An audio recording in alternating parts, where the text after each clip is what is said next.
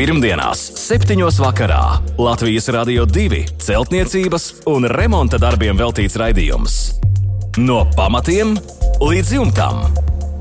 Ar padomiem un atbildēm uz klausītāju jautājumiem Latvijas Rādio 2 studijā - tehnisko zinātņu doktors, būveksperts Juris Biršs. Sveicināti šīs brīnišķīgās saulainās dienas noslēgumā. Studijā Inese un pie jums dodas raidījums no pamatiem līdz jumtam. Kā alaži šajā laikā padomus sniegs un uz jūsu jautājumiem attālināti atbildēs būveksperts, tehnisko zinātņu doktors Juris Biršs. Labvakar, sveicināti Biršs kungs! Labvakar! Pat negribas teikt labvakar, kad saulīte vēl aiz loga rotājas. Tā ir. Jā, nu, tas ir patīkami. Tāds nu, pilns, pilns tāds iespējas, ka sākās nu, jau kaut kas labāks, kā pavasaris, sākās vasara. Jā, tāda sajūta patiešām šodien valda un izskatās, ka tā būs arī rīt un parīt. Un vispār kopumā šī nedēļa solās būt ļoti patīkama laika apstākļu ziņā. Un tālāk es ceru, ka mūsu klausītājiem ar darbiem sokas tikpat labi. Par to liecina arī iesūtītie jautājumi. Bieži kungs ķeramies pie darba. Pie darba. Sāksim mēs šovakar ar uh, Lindas vēstuli. Kādus materiālus lietot sienām, dzīvoklī, skaņas izolācijai? Linda raksta, dzirdu blakus kaimiņu sarunas pārāk skaļi, bet ir pienācis laiks viņiem atgūt savu privātumu un man savu. Nu, kādi būtu darbi Lindai jāveic, kāda ir darbu secība? Jā, nu, jautājums es teiktu, ka ir trāpījies mums ļoti sarežģīts jo tādas lietas kā teiksim, stiprība un, un pieejamība un siltumizolācija, tas mums visiem ir skaidrs. Bet, un par to mēs maksājam zināmu naudu, lai to iegūtu. Bet par komfortu un pie komforta pieder arī akustiskie parametri. Tātad skaņu izolācija ir daudz, daudz grūtāk. Lai iegūtu skaņu izolācijā, teiksim, rezultātu, mums jāpatērē ļoti nu, teiksim, ietilpīgs, gan materiāli ietilpīgs, gan darba ietilpīgs mm, operācijas.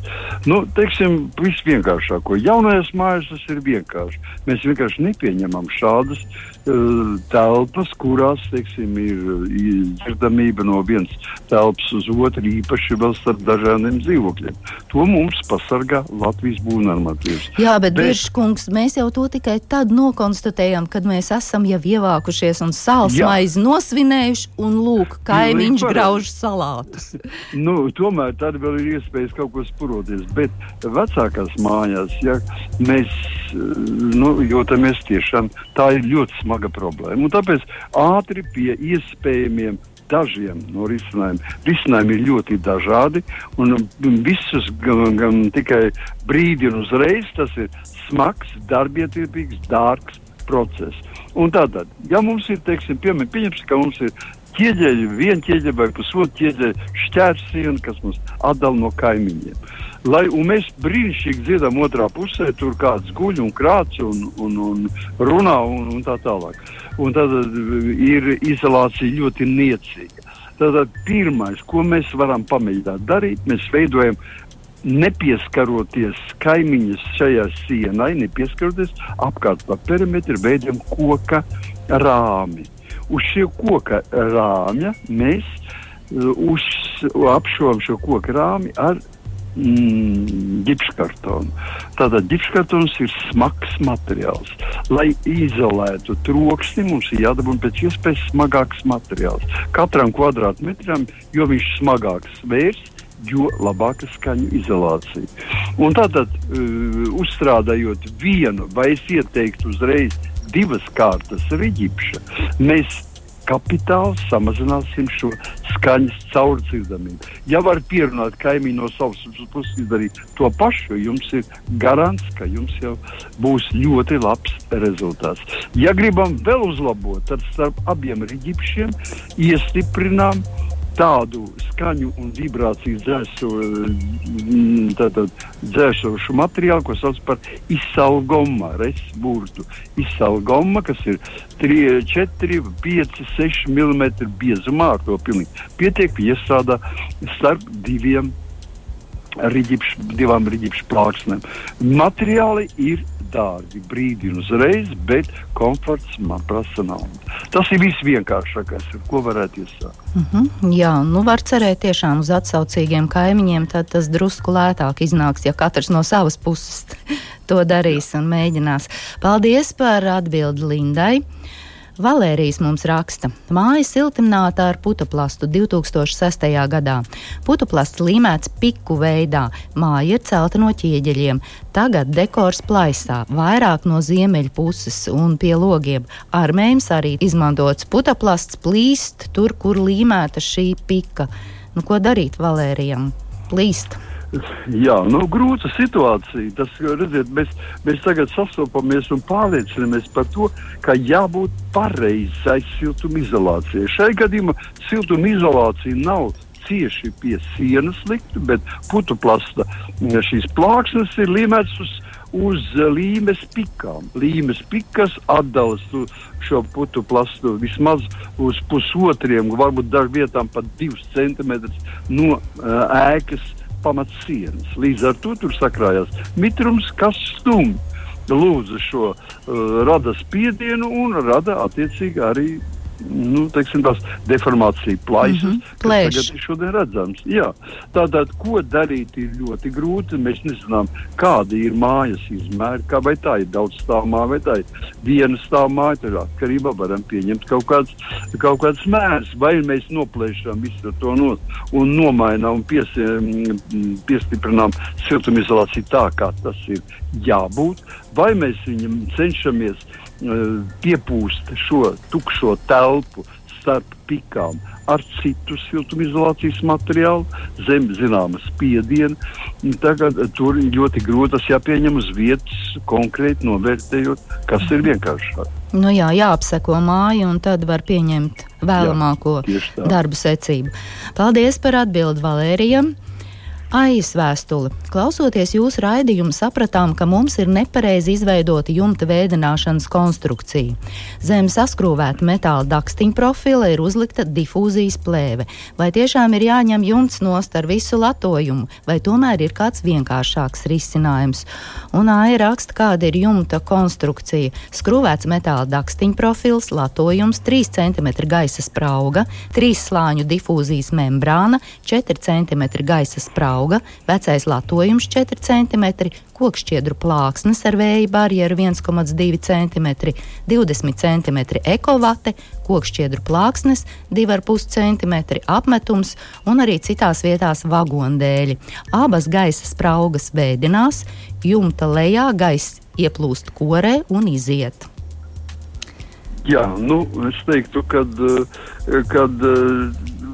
ļoti labi, kad Eh, Aija mums eh, paskaidro vēl tālāk. Ja no pirmās daļas nu, mēs varētu tikai žēloties par to, ka nav izveidots pareizi. Tālāk tas paskaidrojums jau par jumta konstrukciju pilnu pīrāgu no ārā gaisa līdz telpai, mums ļauj secināt, ka šeit jau ir divas, tā saglabāts ir arī pirms tam vecā jumta konstrukcija, uz kuras būvēt jaunu konstrukciju. Ja?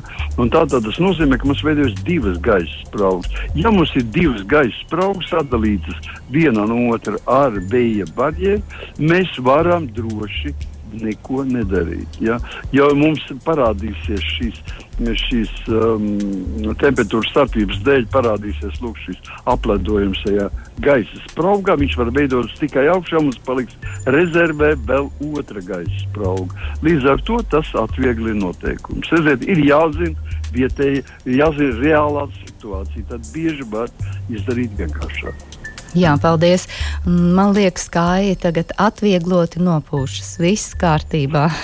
Viss ir labi. Būtu, jā. Turpinām ar ievas vēstuli. Ieva atjauno koka trepes, ar fēnu noņēma veco krāsu, ar slīpmašīnu uh, nelielu koka kārtiņu, bet kokā palikuši tādi nelieli krāsas pigmenti.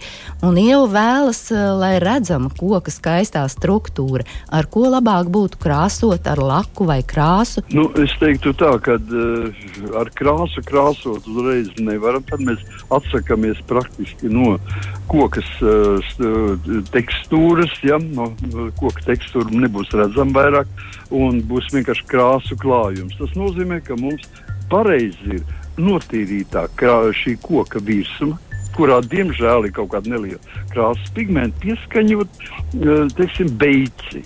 Tā ir caurspīdīgs uh, šķidrums, kas tādā iekrāsos, tikai ietonēs koka tekstūru, koku struktūru. Izcels, un, izcels. Jā, viņi uh -huh. izcels jā. labāk. Un pēc tam, kad šī, šī teiksim, apstrāde būs nožuvusi un pilnībā sausa, mēs viņu varam lakot.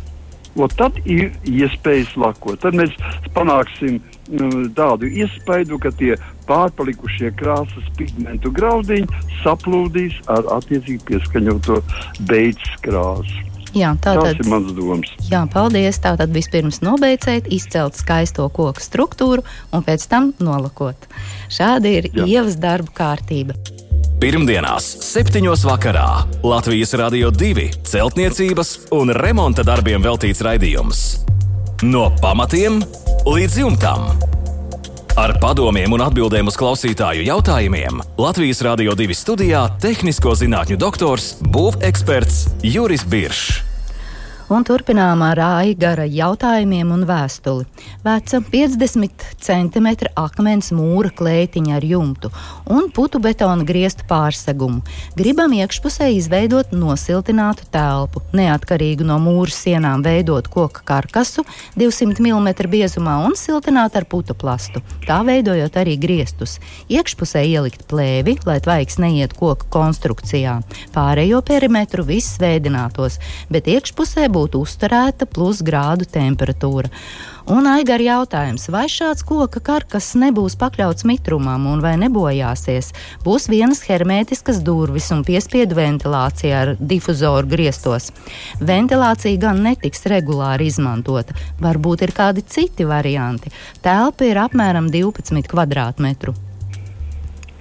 Jā, nu, es tā centos uh, sekot līdzi tam, ko, un, uh, ko teiksim, Aigars stāsta. Un uh, praktiski man ir aizrādījumi sekojoši.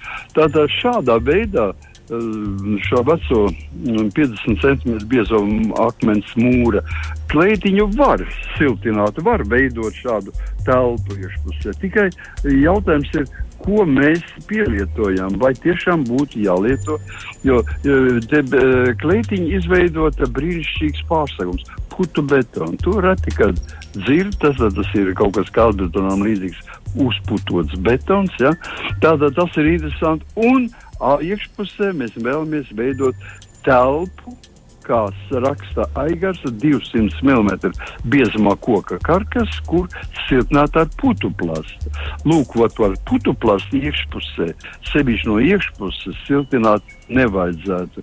Tas nebūtu gan e, ugunsdroši, gan teiksim, cilvēkam tas nav ērti, nav komfortabli, un tas var radīt arī zināms, zināms nu, teiksim, toksiskas pazīmes, izpausmes, alerģijas un tā tālāk. Tāpēc vienkārši atstājot to pašu aigara nozīmēto konstrukciju, 200 e, veidojam koka karkasa šo iekšējo apšuvumu un 200 metru biezumā pildām to ar ekovati. Nevis ar putu plasu, bet ar ekovatu. Tālāk mums atkrīt plēbi, tātad nevis plēbi vairāk, bet vienkārši apšojam ar mīkstām kokšķiedru plāksnēm un mums ir gatava konstrukcija. Tas mitrums, kas parādīsies arī arī Aigara sākotnējā variantā būs šodien tāds pats, bet viņš nevajag baidīties no 50 cm akmens mūra. Arī ar šo biezo mūru mitrums lēnām izdalās uz ādu. Bet šajā gadījumā nekādas kondensāta briesmas nedraudēs, jo nekādas plēves nebūs vajadzīgas. Mums pilnīgi pietiek ar ekobāti, kas arī koka produkts. Nu, es teiktu, ka viss ir kārtībā. Viss būs kārtībā. Klētiņa elpos Jā. un arī paredzētā 12 Jā. kvadrātmetra telpa būs Tieši kārtībā. Tā. Paldies par atbildāju garam! Rita raksta un jautā. Zem klajas debesis no betona izlietas kvadrātveida formas baseins. Ar laiku tas ir la sācis laist ūdeni. Ir mēģināts iekšpusi apstrādāt ar hidroizolāciju, tas nelīdzēja. Ir nodoms izmantot baseinu dīķu ieklāšanas plēvi, ko savā starpā salīmēt un izveidot formu. Līdz šim izmēģinātas dažādas līmes, bet arī bez rezultāta. Ko darīt? Kādus materiālus jūs ieteiktu Biržkungs izmantot? Nu, es pirmkārt tik viegli neatteiktos no hidroizolācijas, jo šajā gadījumā pilnīgi uzprasās īpašs hidroizolācijas veids, tā saucamais piesūcināšanas uh, metode vai piesūcināšanas tehnoloģija. Un uh, tajā izmanto tādas īpašas hidroizolācijas, ar kurām tiek piesūcināts materiāls, viņa masīva, viņa struktūra tiek piesūcināta. Un, teiksim, izmantojot Latvijā ļoti populāru uh, šādu trešās pakāpes, uh, trešās um, paudzes uh, hidroizolāciju, kā teiksim, hidrostop HL110. Nu, var pameklēt pa būvmateriālu veikaliem hidrostop HL110. Tātad tas ir Latvijā ražots uh, hidro, hidroizolācijas materiāls, kas darbojas pēc šāda piesūcināšanas principa. Un uznesot uz uh, teiksim, apakšējo virsmu un uz vertikālajām sānu virsmām šo materiālu, samitrināt, uz samitrināt materiālu, uznesot šo materiālu apmēram teiksim, no 2. 3 mm biezumā, mēs varētu pilnībā radīt nu, teiksim, iespēju to, ka betons tomēr saglabā savas ūdens noturēšanas iespējas. Ja tas nav un eh, ja tas, šis etaps ir noiets un mēs tomēr atsakāmies pilnībā no tā, tad es nekādā gadījumā neieteiktu baseinu vai dīķi ieklāšanas plēvis, jo tās salīmēt ir nedroši, pat pielietojot jebkuru citu sintētisko līmi. Ja mums reiz ir vajadzīgs, visu noteiks baseina izmēru. Pasūtam, uh, īpašu baseina plēvi, ir, kurai ir piedota šī forma, jau tāda, kāda viņa ir. Un tā būs ilgadīga. Protams, dārgs prieks, bet, ja mums tas ir ļoti svarīgi, mm, tad katrā gadījumā, jo, jo teiksim, izgatavots pašu, izgatavots no dažādām baseinu dīķu ieklāšanas plēvēm, tad šūts vai līmēts un metināts un tā tālāk, tas ir apmēram gada da, gada darbam. Mm. Tur ir speciāli izgatavota baseina plēve pasūtīt, ir nu, daudzgadīgs produkts. Un tas tā kā iekšējais baseina korpus praktiski iznāk. Jā, tas ir praktiski, tas nozīmē visā pilnībā. Pie tam vēl tas ir iespējams tālāk ir pilnveidot šo sistēmu. Teiksim, var ierīkot automātiku, kas momentā ziņos, ja šādu plēvi tiek kaut kur eh, caurumiņš parādījies vai kas momentā ieslēdzās un pasaka un, un, un praktiski eh, mēs neesam atkarīgi no baseina nesošās konstrukcijas, no karkas vairāk, bet mums ir visu, visu tur tieši šis plēves materiāls. Nu, tā tad e, Rītē ir vairāk variantu. Vai nu vēlreiz pamēģināt apstrādāt kārtīgi ar hidroizolāciju, vai arī pasūtīt šo ieliekamo vēl vienu baseinu plēvi. Jā, Karkas. vēl es teiktu, Jā, es teiktu, vēl, kad, kad šīs plēve, ko pasūta, nu, viņi var pasūtīt arī attiecīgā krāsā. Tas nozīmē, ka vēl, vēl labāk mēs varam piedot eh, teiksim, šim basēnam zināmu krāsu. Noskaņu vēlamo. Jā, Jā paldies par atbildi Ritai.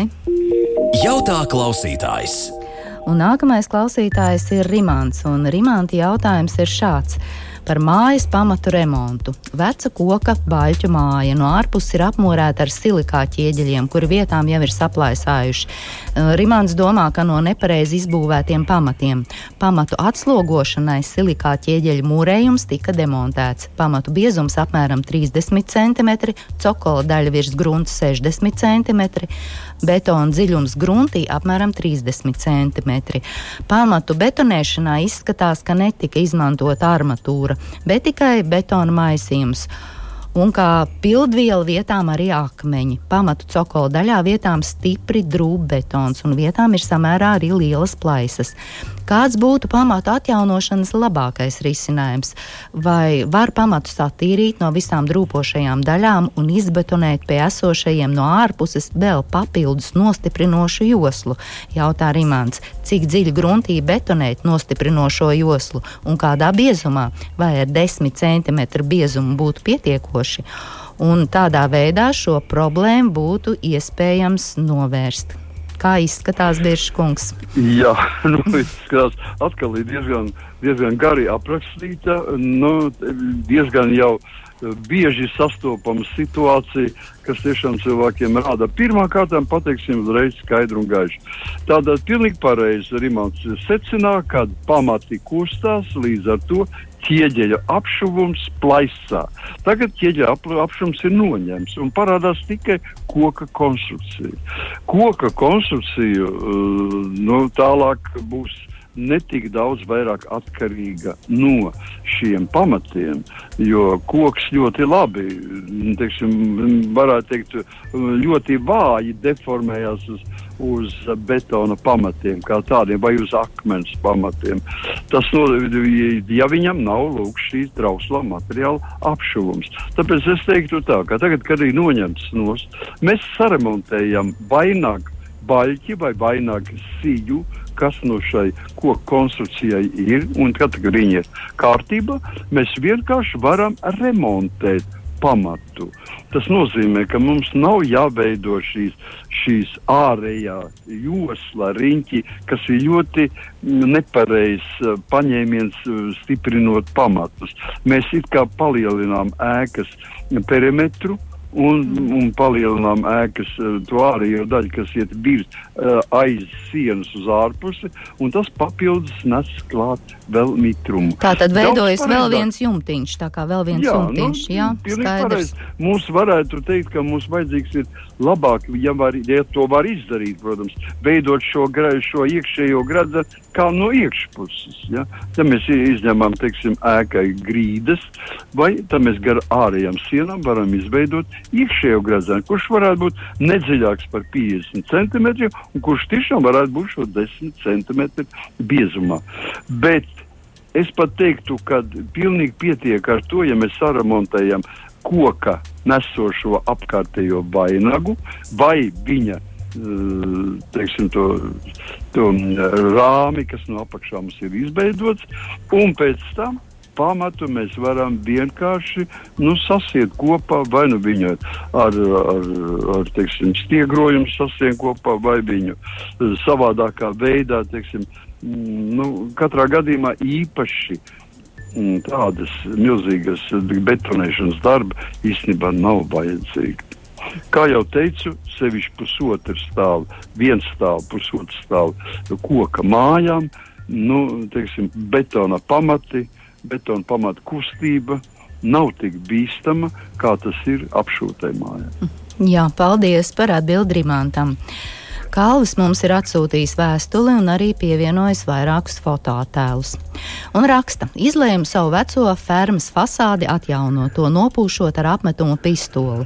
Fermas sienas ir būvētas no dažādiem materiāliem, baltais silikāta ķieģelis, dzelzbetona paneļi, apmesti ar, kā arī fibo bloki.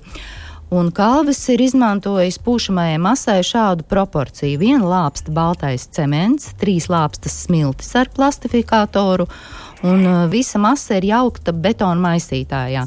Uzklājot uz sienas, pirmās dienas tonis bija vienkārši fantastisks, tā raksta Kalvis.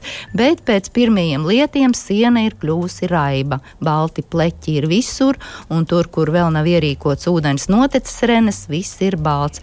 Kādēļ tā ir noticis un ko jūs par to sakāt, Birškungs? Fotogrāfijās viss ir skaidri redzams. Jā, es aplūkoju fotogrāfijas, un man tiešām nav gatavs atbildes, ko teikt. Jo īstenībā, ja mums šie materiāli ir pareizi, nu šeit ir tā lieta, ka viss lielākoties būs no materiāliem atkarīgs. Tātad viena lāpsta baltais cements, vai tas tiešām ir Alborgas baltais cements, vai tas ir, teiksim, Krievijā ražots cements, arī ir pazīstams rūpnīcas, kas veido balto cementu. Tālāk es zinu tikai Irānā, vēl kaut kur ļoti maz, kur notiek. Lielākoties tam vajadzētu būt Alborgas baltajam. Ja, ja tas tāds nav, un tas ir kāds nenosakāms, kas šeit ir aizdoms, ka tas varētu neba, nebūt balts cements. Tas varētu būt gaišs cements ar balto pigmentu sajaukts kopā. Tad veidotos lūk šie krāsu pleķi.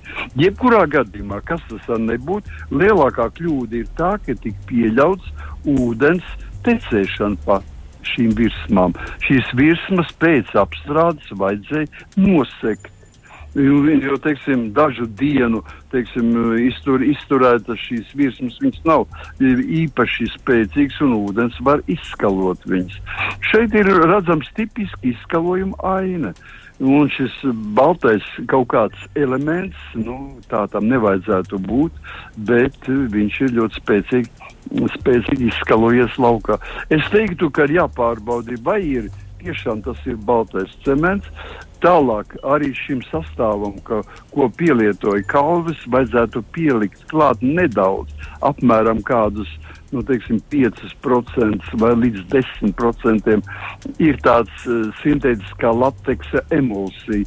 Un, uh, Būvmateriāla veikalos zem nosaukuma super ir dabonams.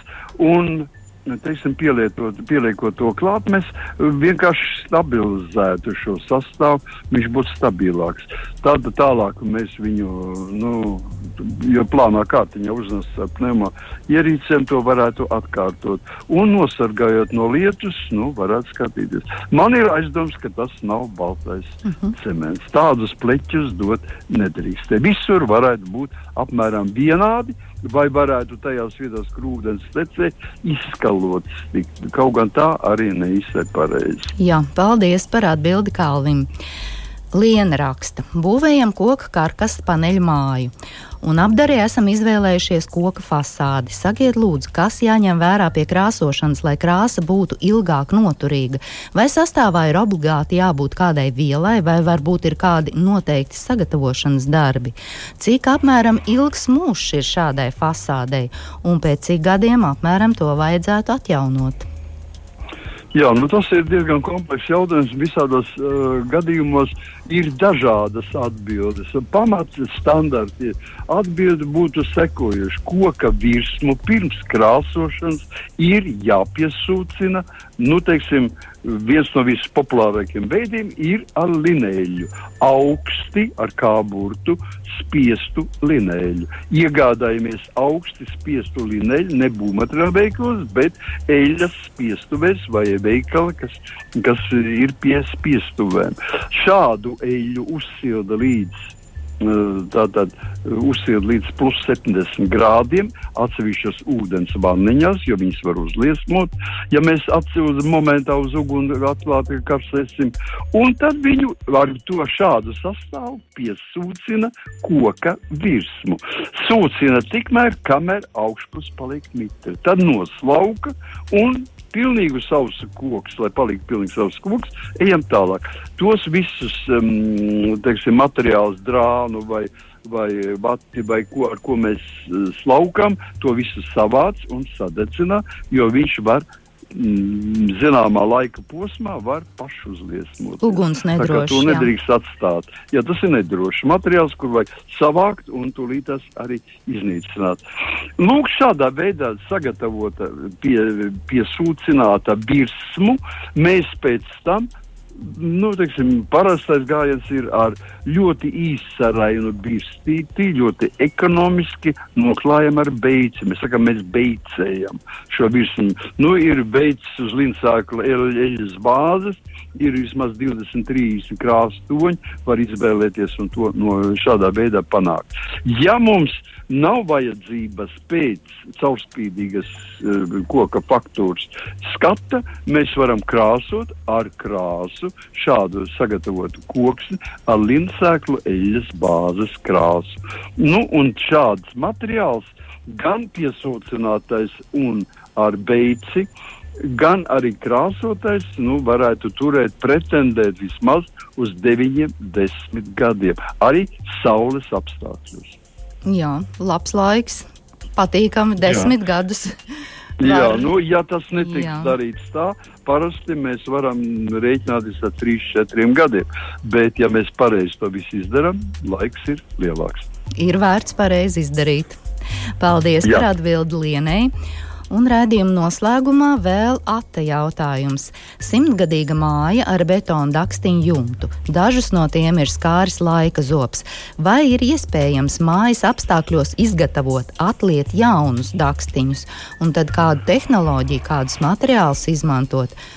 Un vēl otrs jautājums, kas arī ir ļoti būtisks, kā labāk no jumta notīrīt sūnu. Jā, nu, šeit jautājumi ir gari un dikti.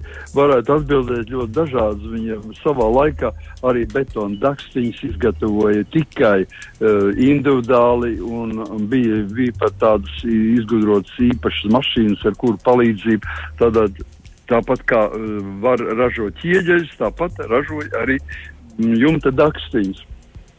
Nu, principā, ja mums ir, ir nepieciešams betona dakstiņš, tad mēs eh, no, no ņemam, demontējam vienu veselu skaistu dakstiņu un ņemam no viņa nospiedumu. Nospiedumu vislabāk, ja to veids stikla plasta mm, materiālā. Un tad šo stikla plasta materiālu mēs varam piepildīt ar betonu, kuram tiek pievienojama klāt uh, lateksa emulsija. Tātad būvmateriālu veikalos varam meklēt pēc super nosaukuma. Un, un tad mēs varam, teiksim, pievienojot to klāt, iegūst ļoti labus, teiksim, nu, šos dakstiņus, kas maksimāli tu, tuvosies esošam oriģinālam. Tā būtu atbilde par par tehnoloģiju. Nu, protams, labāk jau, jau var dabūt kaut kur oriģinālus, protams. Un kā labāk no jums notīrīt sunu, es teiktu sekojuši. Pirmkārt, mēs notīrām mehāniski, ne, ne, ne, nebojājot jumtu, pārvietojoties teiksim, ar kāpņu palīdzību pa jumta virsmu tā, lai mēs notīrām to mehāniski. Pēc tam mēs viņu mazgājam šo jumtu Un, kad viņš ir nožuvis, mēs viņu noklājam ar hidrofobizātoru. Piemēram, ar hidrofobs vai hidrofobs mm, H2O, vienalga dažādu firmu hidrofobizātoru vai eh, Latvijā vai ārzemēs ražotu, eh, ražotiem hidrofobizātoriem atļaus Nu, virsmai ner neradīties jaunām sūnām nu, vismaz divus, trīs gadus. Parasti pēc trīs gadiem veids šādu apstrādi. Citi paņēmieni, kā teiksim, mājas kori nostrādā ar vara plāksnēm, nav tik efektīvi un tie ir daudz dārgāki. Es teiktu, ka ja mēs nielaižam un ik pa trīs gadiem nostrādājam virsmu ar hidrofobizātoru, tad mēs saglabājam jumtu bez sūnām. Paldies, Biržkungs, par atbildi Atim. Līdz ar to arī šovakar mūsu raidījums tuvojas izskaņai. Atgādināšu mūsu e-pasta adresi remonts at lr2.lv. Sūtiet savus jautājumus, pievienojiet fotoattēlus. Jautājumus varat iesūtīt, izmantojot arī mūsu Latvijas Radio 2 mājaslapu. Un vēlreiz noklausīties jau izskanējušos raidījumus varat Latvijas radio arhīvā un, protams, izmantojot arī savus iecienītākās lielākās podkāstu platformas. Uz jautājumiem, kuriem šovakar nepaspējām atbildēt, noteikti pievērsīsimies pēc nedēļas, nākamā pirmdiena. Paldies, Bieži kungs, par jūsu darbu šovakar. Paldies klausītājiem par jautājumiem, lai visiem vakars ir tikpat brīnišķīgs kā šī diena. Visu labu! Pirmdienās, 7. vakarā Latvijas Rādio 2 celtniecības un remonta darbiem veltīts raidījums. No pamatiem līdz jumtam. Ar padomiem un atbildēm uz klausītāju jautājumiem Latvijas Rādio 2 studijā - tehnisko zinātņu doktors, būveksperts Juris Biršs.